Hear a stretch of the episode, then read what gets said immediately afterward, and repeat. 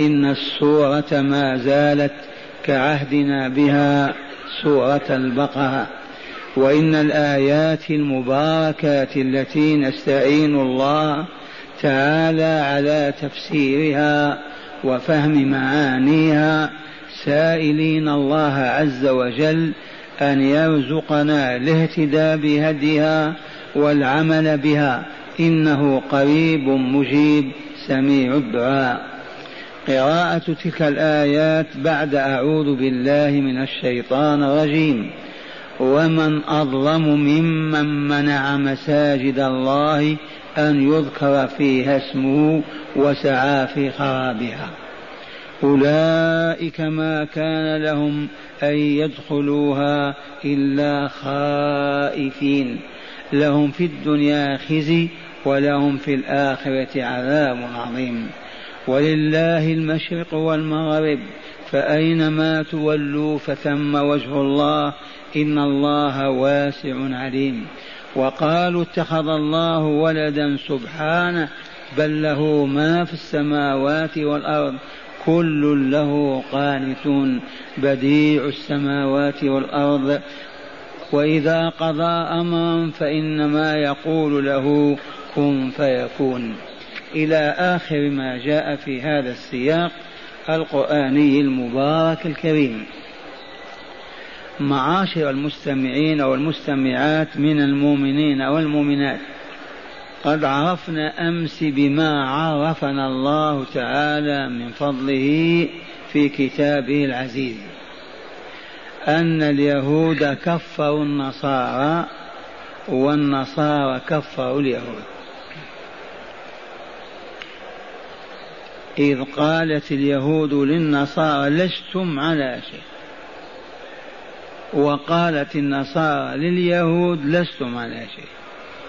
إذا بعد هذا يبقى مجال لأن يشك عاقل في بطلان تلك الديانة اليهودية أو النصرانية وقد شهد أهلها بالبطلان. ثم الله تعالى يقول وهم يتلون الكتاب. فشهادة هذه والله شهادة حق. لأن اليهود كفروا النصارى لعلمهم بما في التوراة والإنجيل. والنصارى كفروا اليهود أيضا لعلمهم لا من باب العناد أو من باب الضدية. كفرونا نكفرهم لا وهم يتلون الكتاب. إذا فلا يهودية ولا نصرانية. إذا وقد تنازعوا هنا في هذا المسجد. اليهود مع وفد نجران وقالوا ما سمعتم. وقالوا لن يدخل الجنة إلا من كان هودا أو نصارى. قال تعالى تلك أمانيهم والأماني أحلام ضائعة. إذا الجنة لا يدخلها العبد بكونه يهوديا أو نصرانيا وإنما يدخلها إذا كانت نفسه طاهرة زكية. تصبح أهلا لمجاورة أهل الملكوت الأعلى لا قضية نسب وشرف ولا نسبة إلى ملة وإنما القضية أن عبد الله من البشر أو أمة الله منهم إن زكى نفسه طيبها طهرها صفاها أصبحت شبيهة بأنفس وأرواح الملكوت الأعلى أي الملائكة. بهذا يدخل الجنة. أما إذا كانت النفس خبيثة منتنة مظلمة كأنفس الشياطين فهي ليست بأهل أن تدخل الجنة. ومن هنا كن ابن من شئت. لو كنت ابن رسول الله صلى الله عليه وسلم أو أباه أو أخاه أو كنت عمه والله لن يغني ذلك عنك شيء انزعوا من أذهانكم فكرة النسب.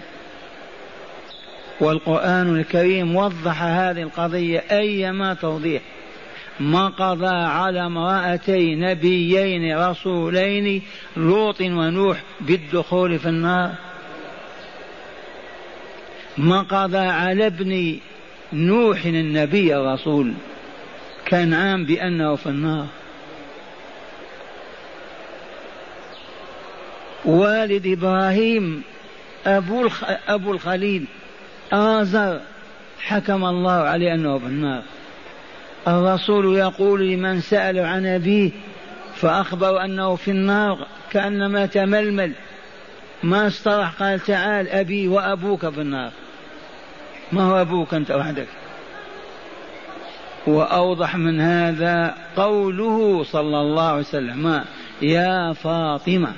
إني لا أغني عنك من الله شيئا. يا فاطمة أنقذي نفسك من النار.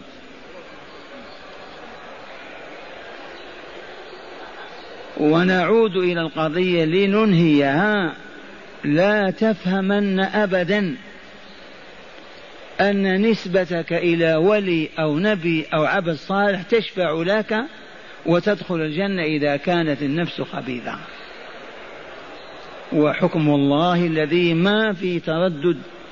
قد أفلح من زكاها وقد خاب من دساها. ثم لما الناس لا يطلبون تزكية أنفسهم؟ إذا هم الظالمون.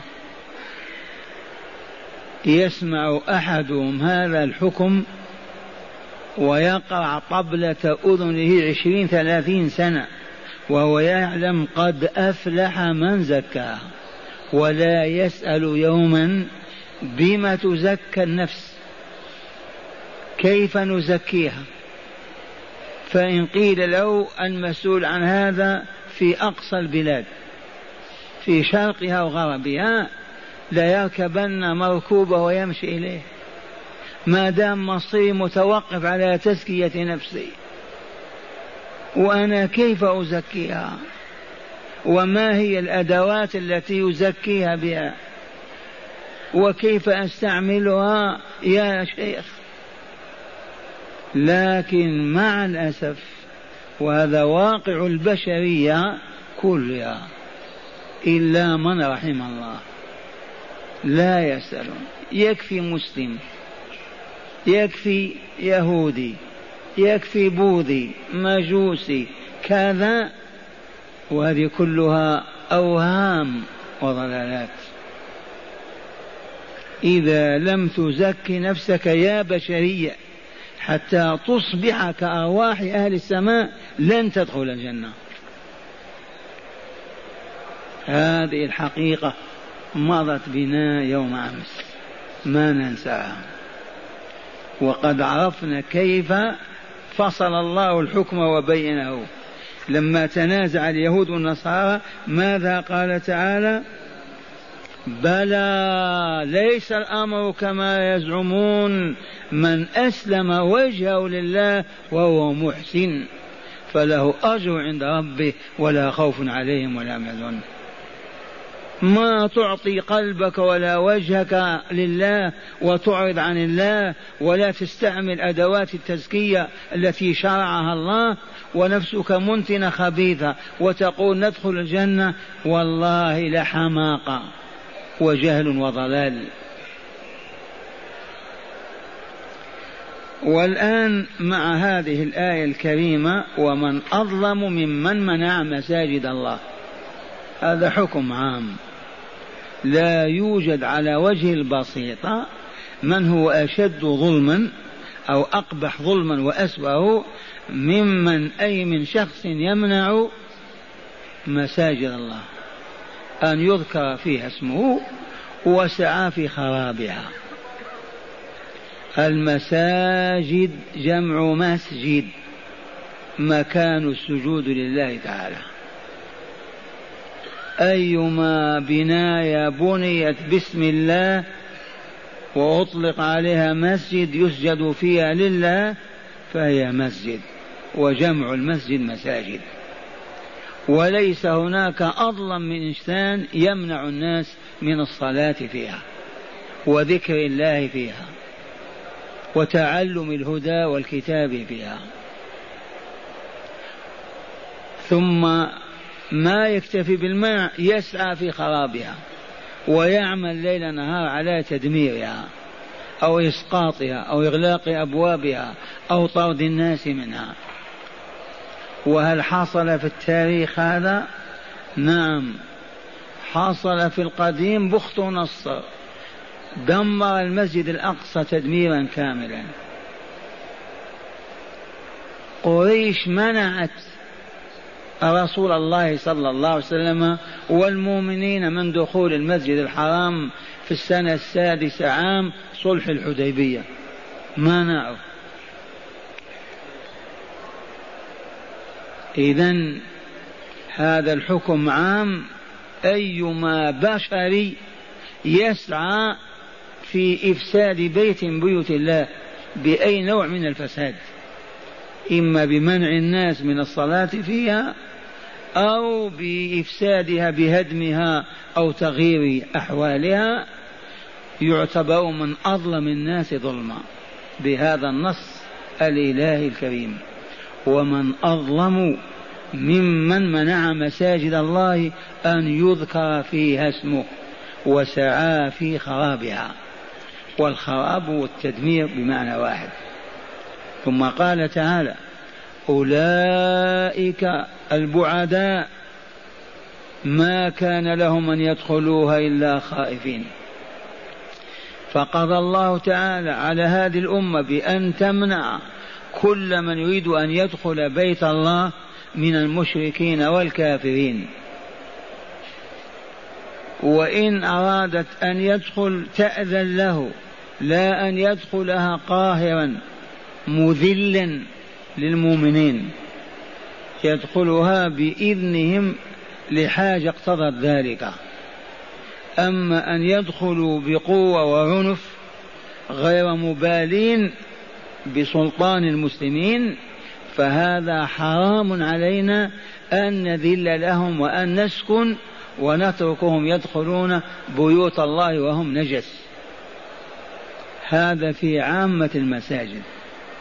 أما المسجد الحرام فلا يحل لمشرك أن يدخله ولا يحل للمسلمين أن يأذنوا في دخول هذا المشرك إلى المسجد الحرام. إذ قال تعالى ما كان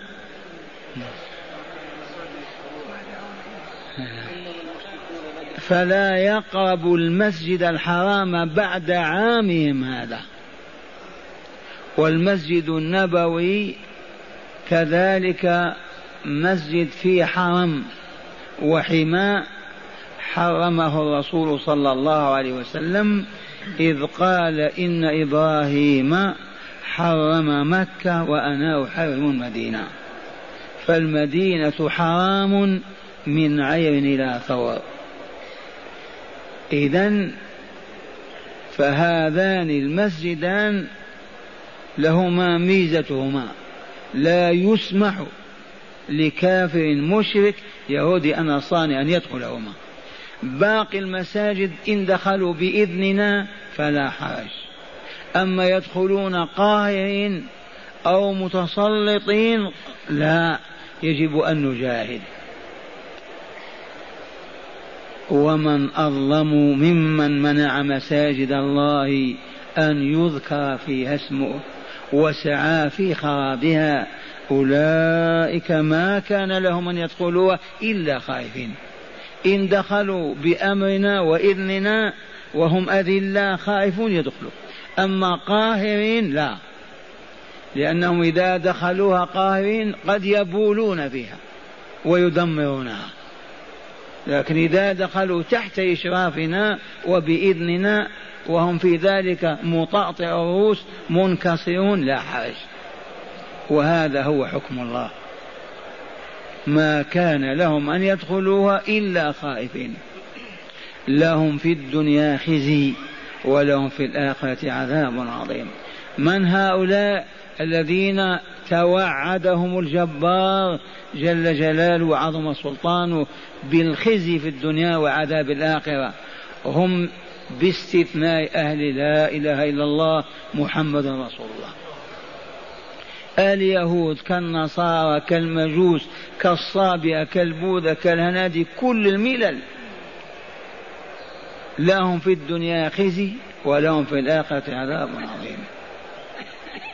لما؟ لأنهم أعرضوا عن الله وحاربوا مولاهم.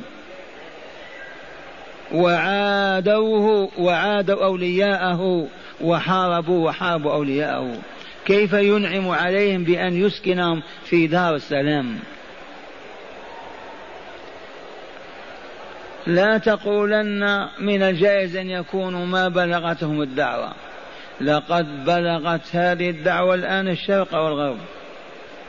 لا يوجد بلد في العالم ما بلغ أهله, أهله أن هناك دينا إسلاميا لا يقبل الله دينا سواه. في كل أنحاء المعمورة. وهذا سر أن الله تعالى ختم النبوات بنبوة محمد صلى الله عليه وسلم. لعلمه أن العالم سيكون في يوم الأيام كمدينة واحدة. الآن من طلوع الشمس إلى غروبها العالم هذا المسكون كأنه بلد واحد. الأنباء تتوارد الأخبار تتساقط عليهم من العلو والمراكب والطائرات كأنهم في بلد واحد. ما يحتاجون إلى تعدد الرسالات. أعود فأقول لعل بعض السامعين ما عرفوا هذه الحقيقة وهي لما ختم الله النبوات بنبوة رسوله محمد صلى الله عليه وسلم. والعالم عالم. علما منه تعالى بأن العالم سيتصل ببعضه البعض. وستصبح هذه الدعوة تبلغه من, من أي جانب. الآن الإذاعات من خمسين سنة وهي تذيع والعالم كامل يسمع. الأبعاد التي كانت المسافة التي تمشيها في شهر وشهرين وثلاثة تمشيها في ساعة. اتصل العالم ببعضه بعض فمن هنا نبوة واحدة ونبي واحد يكفي. بخلاف ما كان قبل النبوة المحمدية الأقاليم متباعدة. أهل إقليم ما يعرفون ذلك إقليم حتى يموتوا. إلا من ندر مثلا. فكان الله يبعث في كل أمة رسولا. يبعث ينبئها ويعلمها. لكن لعلمه الأزلي القديم أن العالم سيتصل ببعضه بعض وستبلغ هذه الدعوة الشرقي والغربي إذا خاتم الرسالات بهذه الرسالة. فلا يقولن قائل ممكن البلد الفلاني ما بلغته الدعوة. لا يوجد بلد ما بلغته. في هذه الأعصار. وقوله تعالى ولله المشرق والمغرب. فأينما تولوا فثم وجه الله. تذكرون أن اليهود ما زالوا يشنعون ويقبحون.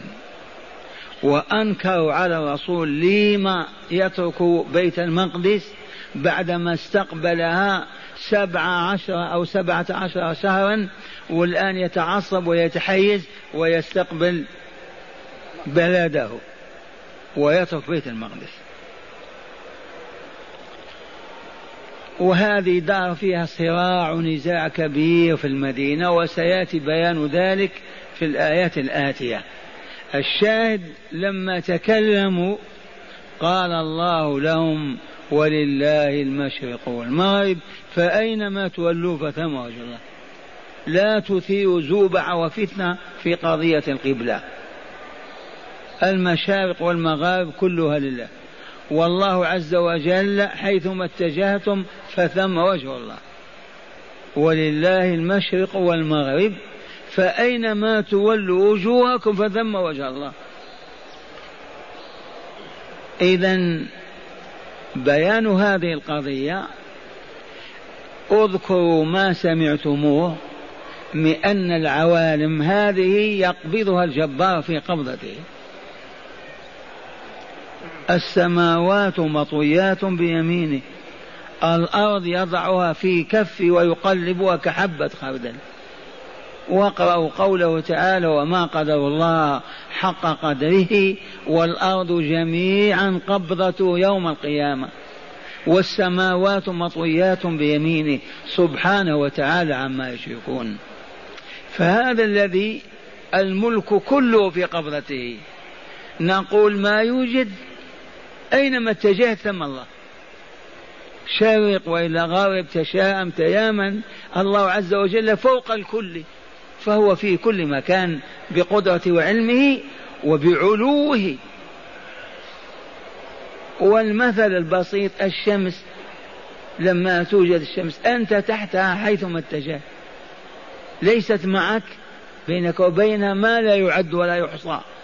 من الأميال ولكن بقو بكبرها وعظم جسمها وهي أكبر من الأرض مليون ونصف مليون مرة هي معك. هذا المثال يقرب المعنى. والرسول صلى الله عليه وسلم قال إنكم لا ترون ربكم يوم القيامة كما ترون القمر ليلة البدر. فهل تضامون عند رؤيته؟ تتزاحموا حتى تشاهدوا حيثما وقفت رأيته. إذا فهذه الثورة أو الدعوة التي أقامها اليهود في قضية القبلة هذه دعوة باطلة. فالله عز وجل ما هو محصور في بيت المقدس ولا في مكان آخر. فالله عز وجل فوق خلقه والخلق كله في قبضته وتحت سلطانه حيثما اتجه عبد الله هو اتجه نحو القبلة. ولله المشرق والمغرب خلقا وملكا وتدبيرا. فأينما تولوا أيها الناس فثم وجه الله. أينما تولوا شرق غرب شمال جنوب. وهنا القاعدة والقضية الفقهية هذا موطنها نقول استقبال الكعبة استقبال البيت لمن قدر عليه واجب. ولا تصح صلاتك إن لم تستقبل بيت الله. لكن إذا عجزت عن استقبالها مريض على سرير ما يستطيع أن يستقبل البيت. لا يجد من يوجهه تصح صلاته إلى غير القبلة لما فأينما تولوا فثم وجه الله.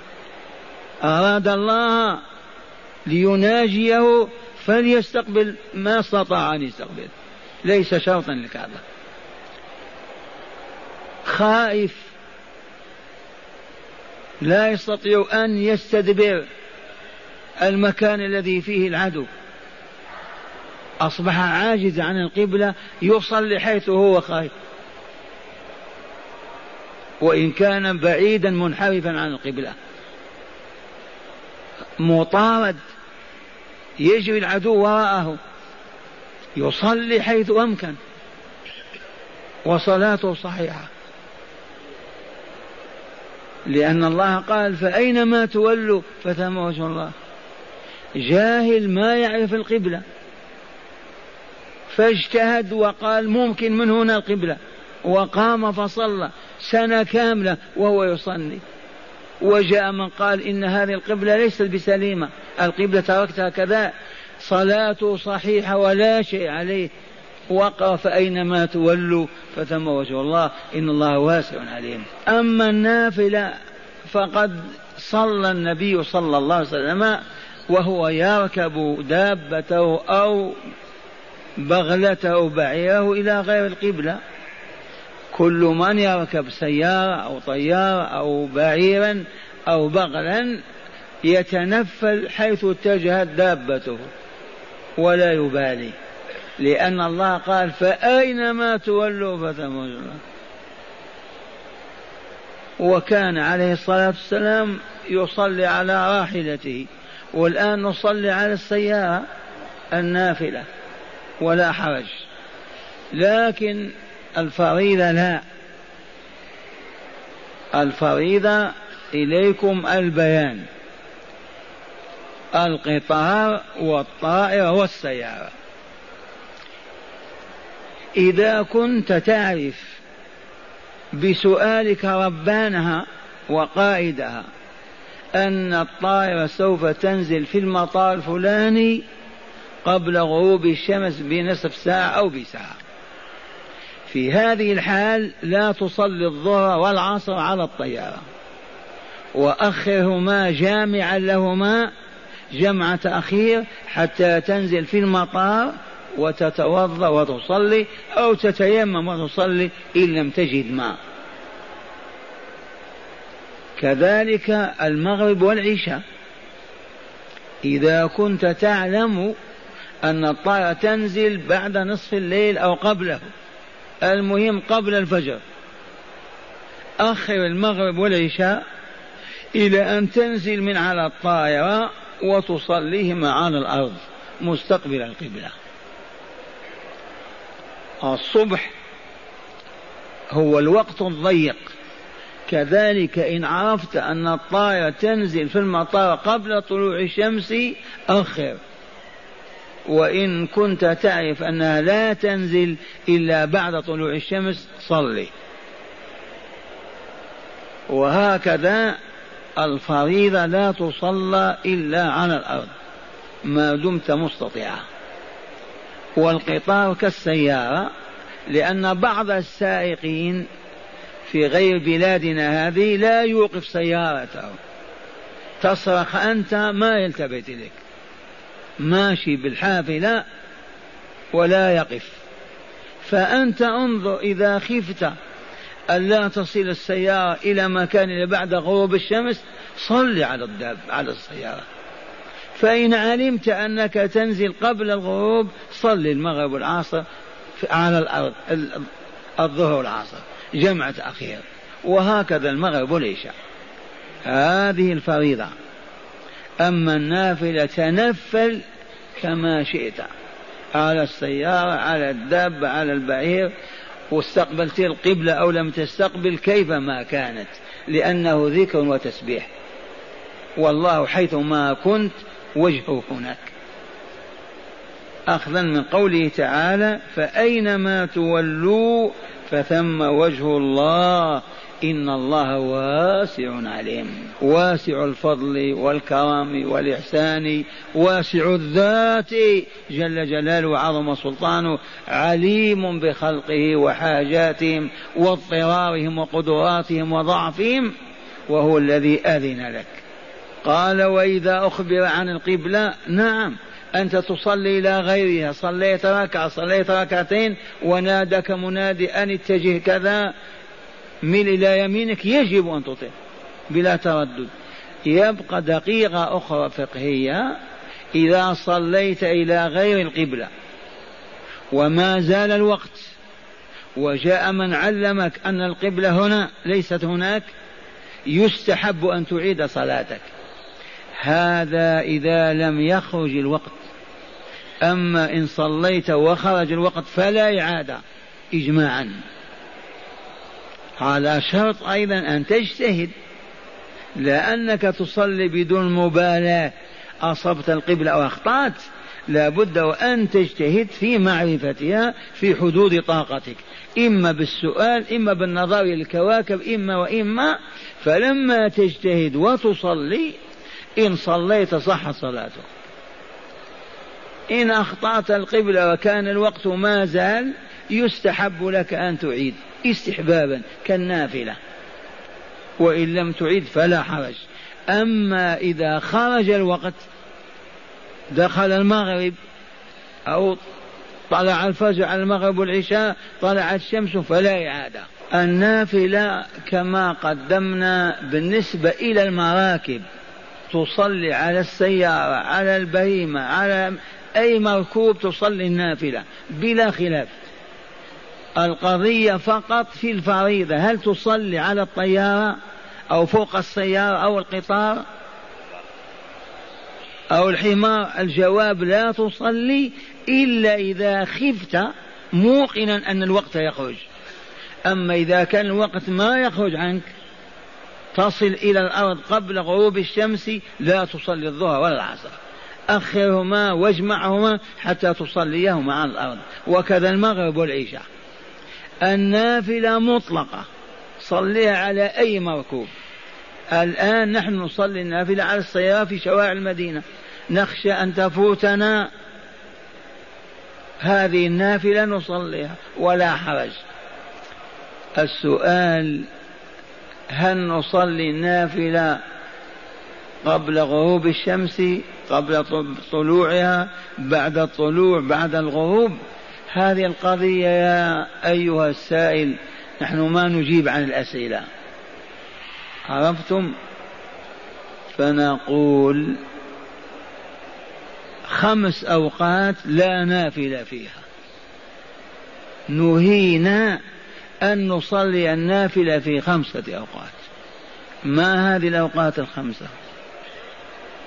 أولا من طلوع الفجر. إلى الاصفرار أو إلى طلوع الشمس. هذا وقت. وعندما تبزغ الشمس ويطلع رأسها لا نافلة حتى ترتفع من الأرض مقدار متر أو أكثر. هذان وقتان. الوقت الثالث إذا وقفت الشمس في كبد السماء. وهل تقف؟ نعم تقف. وطالعها وحاسبها تعرف. هي طالعة طالعة فارتفاع فارتفاع فارتفاع تصل إلى مستوى تقف حتى تدحض وتميل. إذا وقفت عبدها عبادها لا يحل أن تصلي النافلة لأنك تشبهت بعبادة الشمس. فإذا دحضت ومالت إلى الغروب صلي. ويستمر الجواز إلى أن يؤذن العصر وتميل الشمس وتصفر. بعد صلاة العصر لا نافلة. حتى تصفر الشمس هذا وقت. ومن اصفرارها إلى غروبها وقت ثاني. فهذه بالتفصيل خمسة أوقات. ولا يستثنى إلا تحية المسجد. أو ركعتي الطواف فقط. تحية المسجد إذا كانت الشمس بيضاء نقية لا تتردد لا تجلس حتى تصلي ركعتين في بيت الله في أي مسجد دخلته إذا أردت الجلوس. أما عند الغروب والطلوع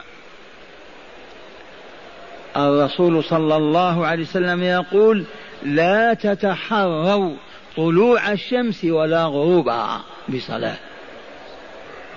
فهذا الوقت معاشر المستمعين أعو ما أقول إذا أنت دخلت المسجد والشمس تكاد تغمض عينها فأنت مخير. إن خفت من قول الرسول صلى الله عليه وسلم إذا دخل أحدكم مسجد فلا يجلس حتى يصلي ركعتين وما صار تصلي ولا حرج.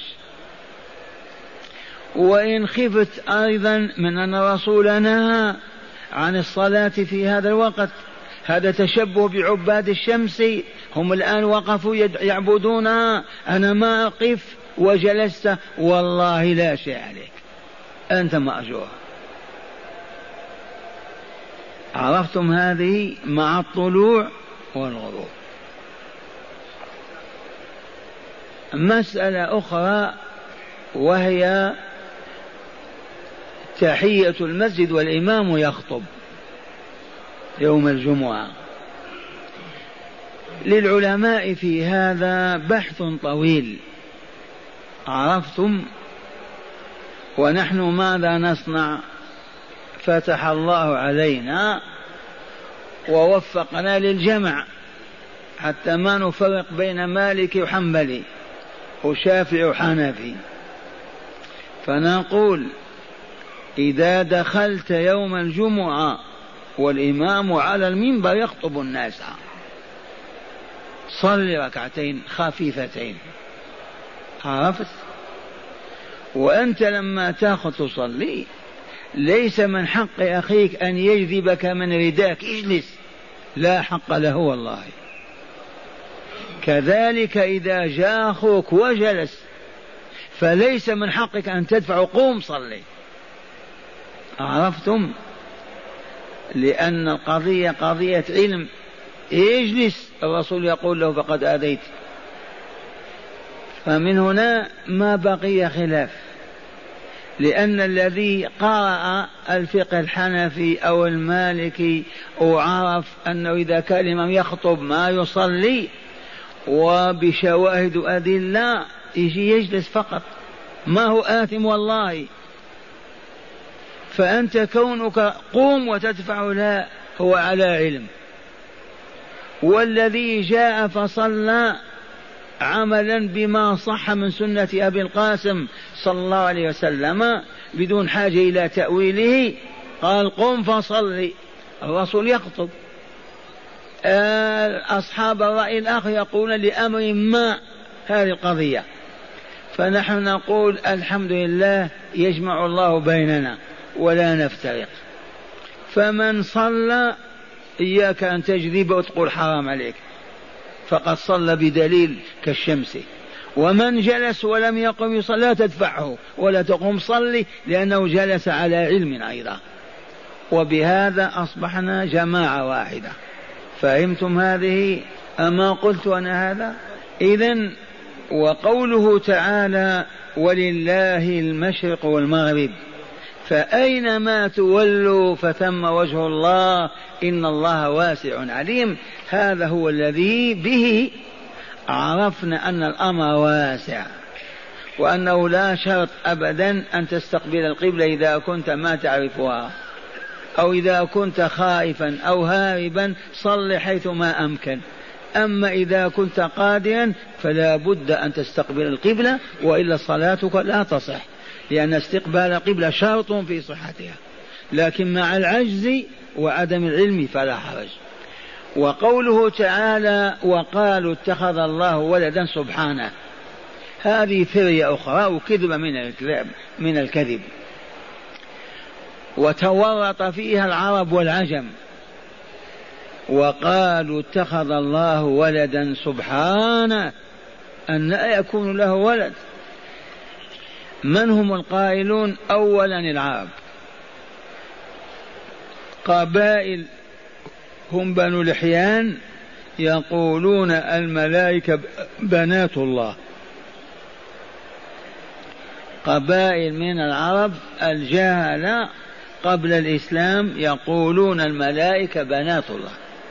يؤمنون بوجود الملائكة ويعرفون هذا. لكن وينسبونهم إلى الله. يقول بنات الله. والله عز وجل رد عليهم أصطفى البنات على البنين ما لكم؟ كيف تحكمون؟ أفلا تذكرون؟ وجعلوا بينه وبين الجنة نسبا. قالوا إن الله تعالى وحاشاه أصهر إلى الجن فأنجب الملائكة.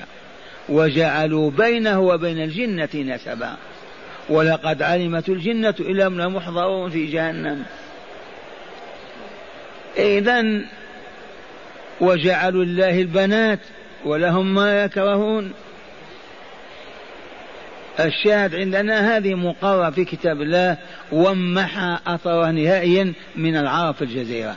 انتهى من يقول الملائكة بنات الله.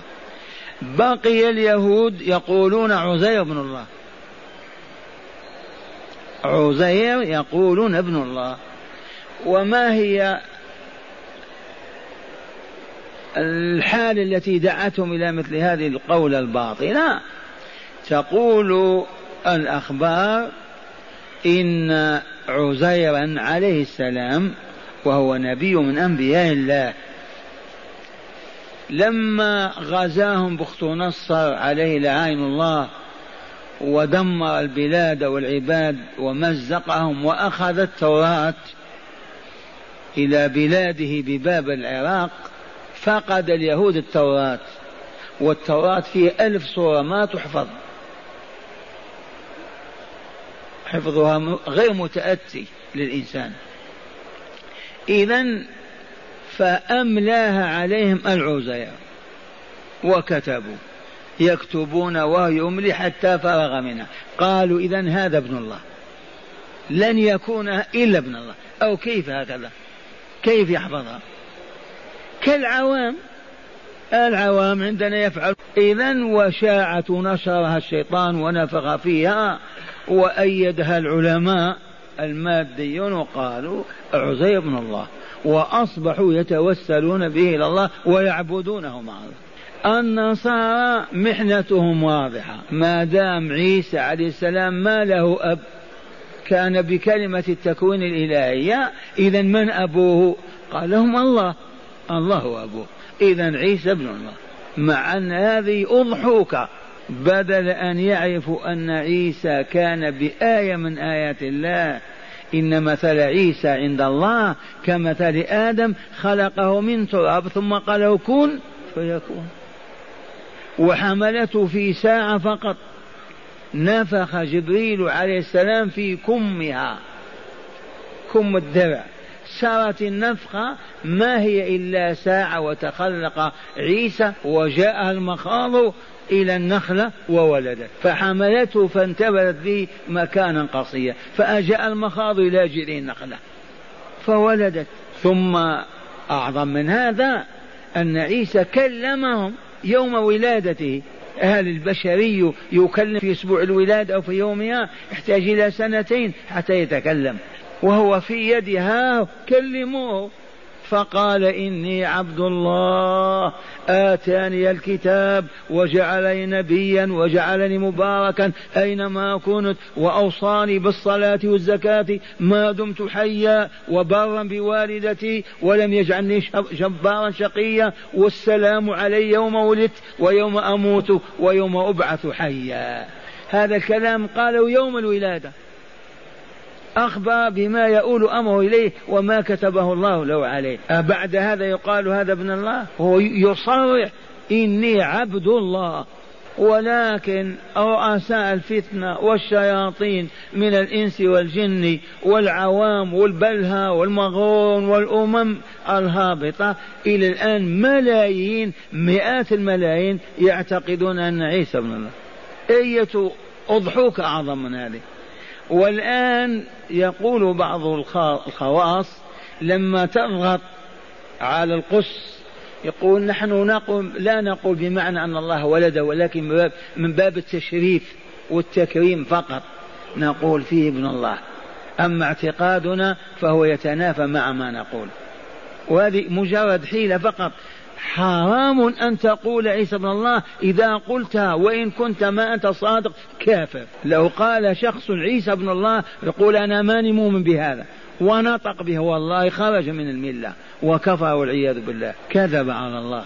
إذا فهذه الطوائف الذين سمعتم عنهم يقول تعالى وقالوا يا للعجب اتخذ الله ولدا.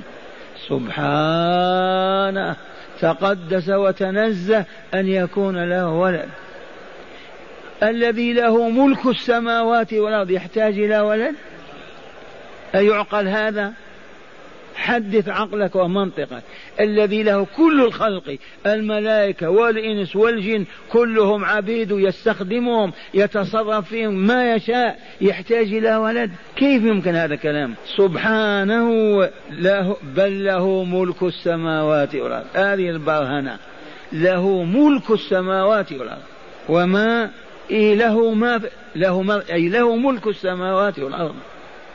لا يوجد كائن إلا والله مالكه لا في العوالم العلوية ولا في السفلية. أمثل هذا الغني يحتاج إلى ولد. كيف يكون له ولد ولم تكن له زوجة؟ ما عنده زوجة كيف يكون الولد؟ يعقل يوجد ولد بدون زوجة؟ دلونا عليه. ورضي الله عن إخواننا من الجن. قل أوحي إلي أنه استمع نفر من الجن فقالوا إنا سمعنا قرآنا عجبا يهدي إلى الرشد فآمنا به ولن نشرك بربنا أحدا وأنه تعالى جد ربنا ما اتخذ صاحبة ولا ولدا. والمراد من الصاحب الزوجة لأنها تصحبه طول حياته. ما اتخذ صاحبة ولا ولدا وأنه كان يقول سفيهنا على الله شططا. سفهاؤنا كان يقول هذا الكذب الفظيع على الله عز وجل. هذا الظلم الفاحش. هؤلاء الجن يقررون هذه الحقيقة. والنصارى يطيرون في السماء ويغوصون في الماء يدعون حتى الكلب يوتى يقول. والعقل الإلكتروني هابطون إلى هذا الهبوط لما ما صاحوا في النصارى يوم الأيام يا نصارى أين يذهب بعقولكم؟ أدخلوا في الإسلام أبناءكم وأطفالكم ورحمة الله معكم. لما؟ ويؤدبون القسس ورجال الكنائس المضللون الذين يحرفون على البشرية دين الله. لأنهم كالبهائم أموات غير أحياء. وما يشعرون. بل له ما في السماوات والأرض كل له قانتون. خاضعون ذليلون. ما في من يرفع راسه على الله أبدا. الكل خان خاضع. يجري الله أحكامه عليه بالموت بالحياة بالكبر بالصغر كما يشاء. في من يقف وجه الله؟ كل مطاطع راسه. كل له قانتون. بديع السماوات والأرض. الذي ابتدع هذا الكون وخلقه يحتاج الولد؟ ما يستحون ما يخجلون؟ هذا كشخص كشخص مثلا يملك اقليما كاملا تبات وتقول هذا الجدي له يحافظ عليه. ومحتاج إلى جدي وهو يملك الإقليم بكامله عيب هذا الكلام. ولكن الشياطين هي التي تفسد على البشر عقولهم وقلوبهم. وإلى الذي يسمع لها ويستجيب لها. إذا هذه براهين حجج كالشمس بديع السماوات والأرض. وأيضا إذا قضى أمرا وحكم بوجوده فقط يقول كن يكون. ما يحتاج إلى وسائط ولا أسباب. إنما أمره إذا أراد شيئا. أن يكون يقول كن فيكون. وشواهد هذا لا حد لها ولا ولا حصر. وإذا قضى أمرا فإن قضاه أزل وأراد أن يكون فإنما يقول كن فهو يكون.